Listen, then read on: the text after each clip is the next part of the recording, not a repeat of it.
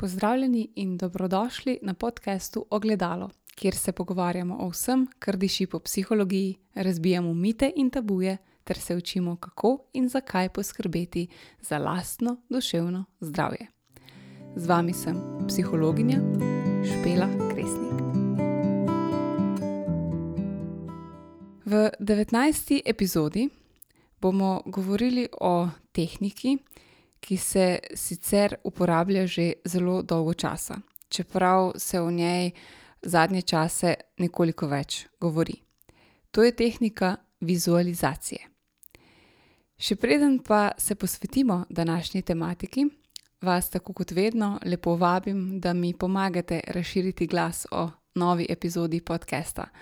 In tako morda pomagate tudi drugim do različnih spoznanj in novih znanj.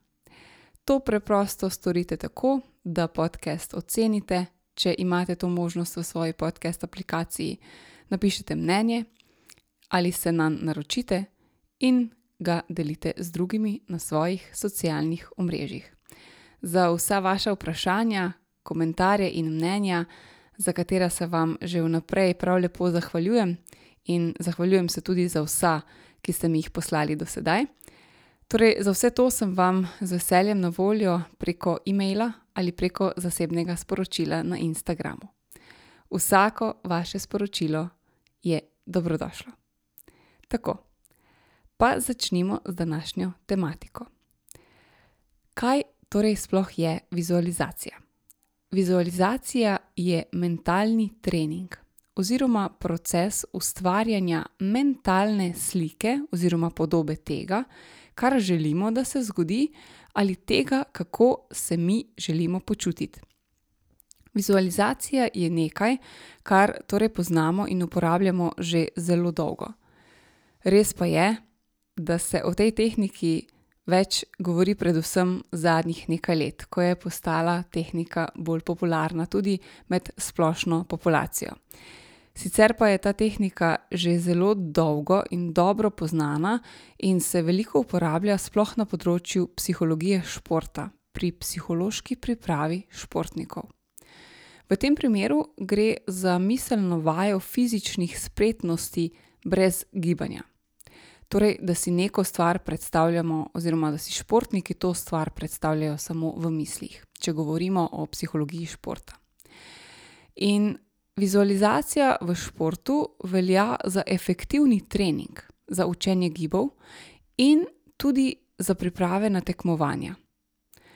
Zato tudi toliko krat vidite, kakšne športnike, recimo smočarje, ko jih posnamejo, preden se podajo po belih strminah navzdol, kako si v mislih vizualizirajo in predstavljajo, kako se peljejo po progi.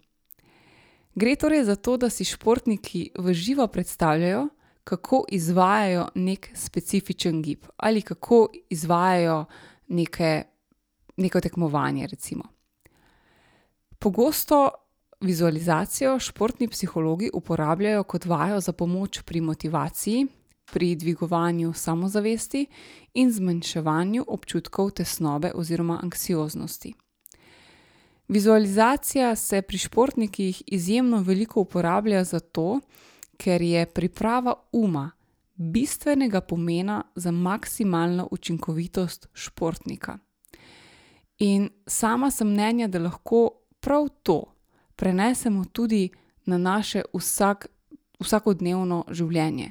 Tudi če nismo športniki, je priprava uma bistvenega pomena za našo maksimalno učinkovitost na katerem koli področju življenja.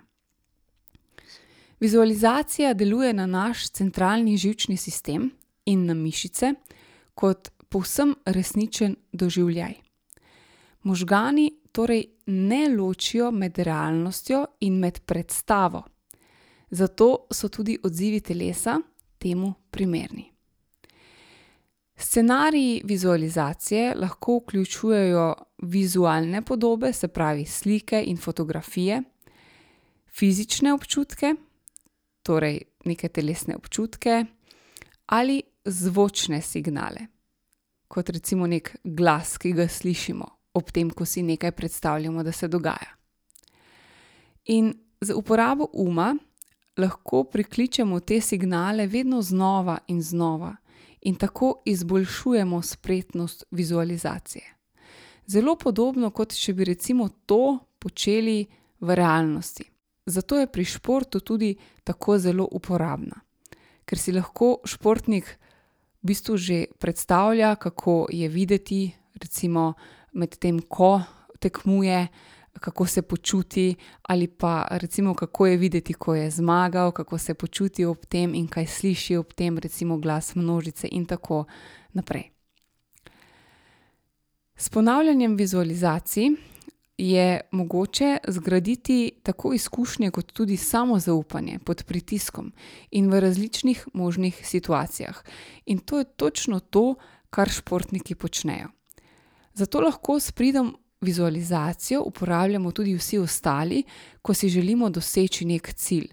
In si že kar vnaprej predstavljamo, kako se bomo počutili, kako bomo videti, kaj bomo slišali takrat, ko bomo neki cilj dosegli. Vizualizacija je najučinkovitejša, ko lahko vključimo čim več teh virov, signalov, torej vizualno, fizično, zvočno, ko si lahko zelo v živo predstavljamo neko situacijo, in v kateri imamo mi, kot glavni akterji, popoln nadzor nad izvedbo vsega, in ob čemer doživljamo veliko neke samozavesti. Nekateri avtorji govorijo o tem, da lahko vizualizacijo delimo na disocialno in asocialno vizualizacijo. Kakšna je v bistvu razlika? Kadar govorimo o disocialni vizualizaciji, si predstavljamo sebe pri opravljanju aktivnosti iz oči gledalca. Recimo, kot da gledamo svoj nastop preko filmskega platna, ali recimo športniki si to predstavljajo, kot da gledajo svoj nastop s tribun. Pri asocialni vizualizaciji pa se športnik postavi v položaj, kot ga ima med svojim nastopom. Torej, pri asocialni vizualizaciji se postavimo v tisti položaj, kot bi ga imeli v tisti situaciji, če to ne povežemo s športom. Torej, predstavljamo si, kot da neko stvar izvajamo iz perspektive, ki jo imamo takrat, ko se nam to tudi resnično dogaja. Obstajata dve teoriji o učinkovitosti mentalnega treninga. Prva teorija je živčno-mišična teorija, druga pa kognitivna teorija. Pri živčno-mišični teoriji gre za to, da ta pravi, da z vizualizacijo aktiviramo enake motorične poti, ki bi bile aktivirane, če bi bilo gibanje fizično izvedeno. Torej, aktivirajo se povsem enake, enaki centri, enake poti v možganih, kot pa takrat, ko to aktivnost v, resnični, v resničnem življenju počnemo. Študije, v katerih so uporabljali elektromiografijo, so dokazale to aktivacijo, o kateri govorim, ki je v bistvu primerljiva s telesnim gibanjem, vendar na nekoliko nižji ravni. Poleg tega so tudi študije dokazale, recimo pri neki študiji za dvigovanje uteži, so ugotovili, da so v možganih aktivirane povsem iste poti pri tistih, ki v resnici dvigujejo uteži, in pri tistih, ki si to samo predstavljajo. In nekatere raziskave celo uh, odkrivajo, uh, da, te, da je ta mentalna praksa, da je ta mentalni trening skoraj tako efektiven kot tisti resničen fizičen trening.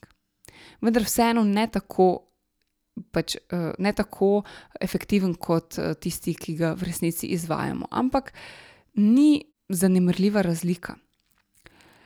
Recimo ena izmed študij, ki um, so jo opravili na Clevelandski kliniki v Ohiu.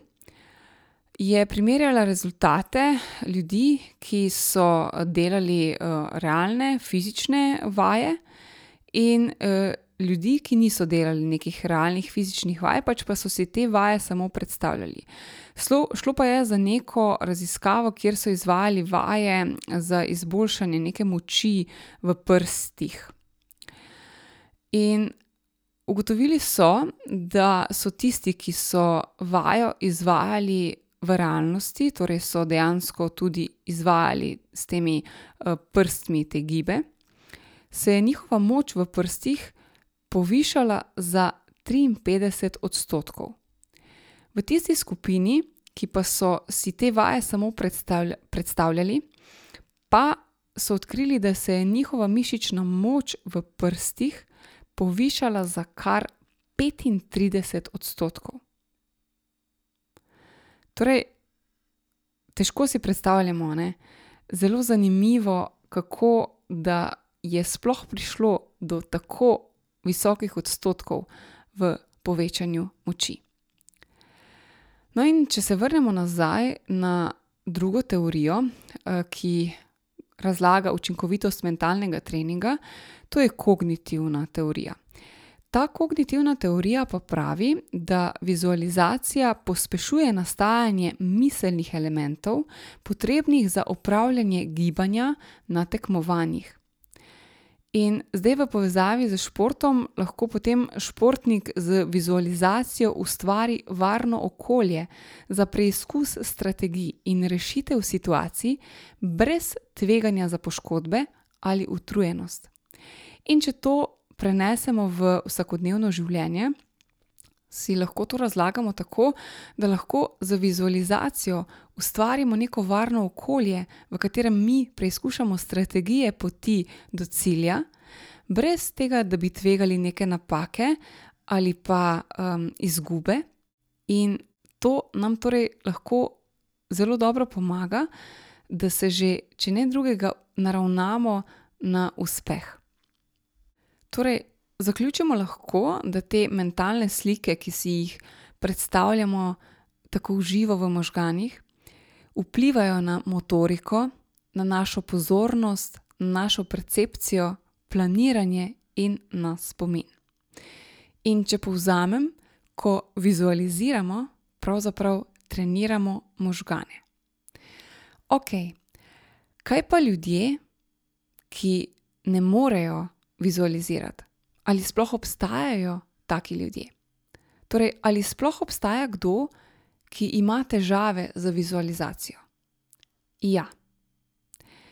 Obstajajo ljudje, ki ne zmorejo vizualizirati. Oziroma, ki imajo večje ali manjše težave ob tem. To sicer dolgo časa ni bilo znano. Ampak so ugotovili, da pravzaprav obstajajo ljudje, ki imajo na tem področju res velike težave, in potem so v bistvu to, ta fenomen nezmožnosti vizualiziranja poimenovali afantazija.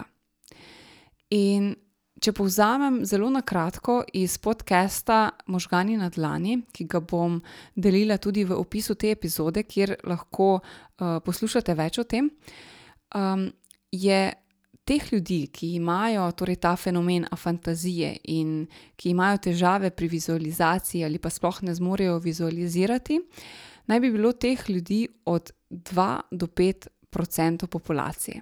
Torej sicer zelo majhen odstotek, a vendarle obstajajo. In ta podcast vam zares priporočam, ker je zanimiv in boste izvedeli še veliko več zanimivih stvari. Zdaj pa bom samo povzela na kratko še, kako poteka ta vizualizacija oziroma kako pride do te afantazije v naših možganih. Torej, kaj se zgodi pri tistih, ki ne zmorejo vizualizirati? Sama vizualizacija naj bi potekala v temporalnem režnju možganov. Tam naj bi nastajale torej podobe. V proces vizualizacije pa je vključen še čelni reženj. In za afantazijo se predvideva, da naj bi prišlo do prekinitve povezave med temporalnim režnjem in med čelnim režnjem. In zato torej ljudje, ki imajo težave z vizualizacijo, naj bi pač si ne zmogli predstavljati teh podob, kot si jih lahko predstavljamo tisti, ki s tem nimamo težav. In še ena pomembna stvar, ki se mi zdi, da je vredna omembe na tem mestu, je en tak sistem, ki ga imamo v možganjih, um, ki nam v bistvu potem tudi pomaga pri vizualizaciji, oziroma pri, um, pri tem, da smo potem bolj pozorni na stvari, ki um, jih želimo v svojem življenju. Ne? Če ste prej pozorno poslušali, ste slišali, da sem omenila, da te mentalne slike med drugim vplivajo tudi na našo percepcijo, na našo pozornost.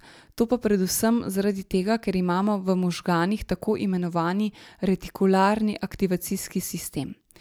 To je mreža v možganskem deblu in je v bistvu odgovorna za to, da prečesava informacije in odloča, ali je treba določeno informacijo, ki jo zaznamo s svojimi čutili, poslati v zavedni del možganov ali ne.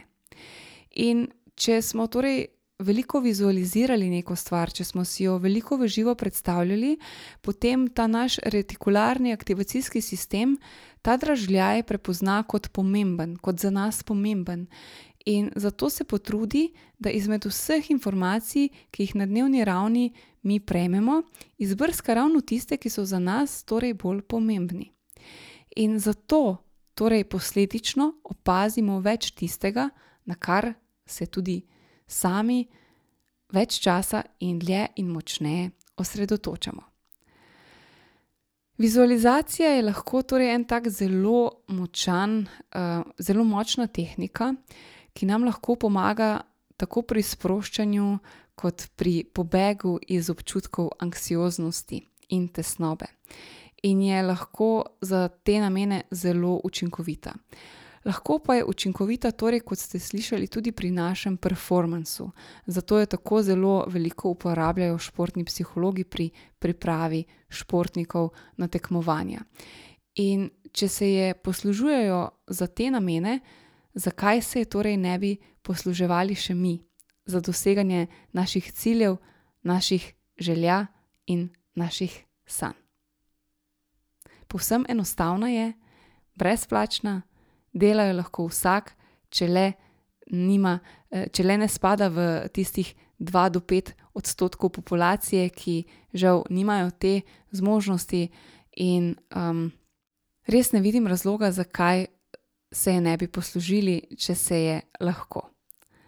Zato res priporočam, da se morda nekoliko poglobite v to eh, tematiko, jo morda še malo bolj raziščete eh, in mogoče malo razmislite, kje bi lahko to tehniko vizualizacije uporabili vi pri svojih zastavljenih ciljih in željah. Kar pogumno. Hvala, ker ste to epizodo poslušali do konca. In še enkrat hvala vsem, ki se tako javljate preko zasebnih sporočil in e-mailov. Res mi je v veliko veselje prebrati vsako vaše sporočilo, ki mi veliko krat zelo pogreje srce in mi doda eno tako um, dozo motivacije, uh, ki, mi, ki me še bolj potem um, zbusta, da tako zelo z veseljem snimam te podcaste in pripravljam še ostalo vsebino za vas. Zares se vam zahvaljujem. Želim vam vse dobro.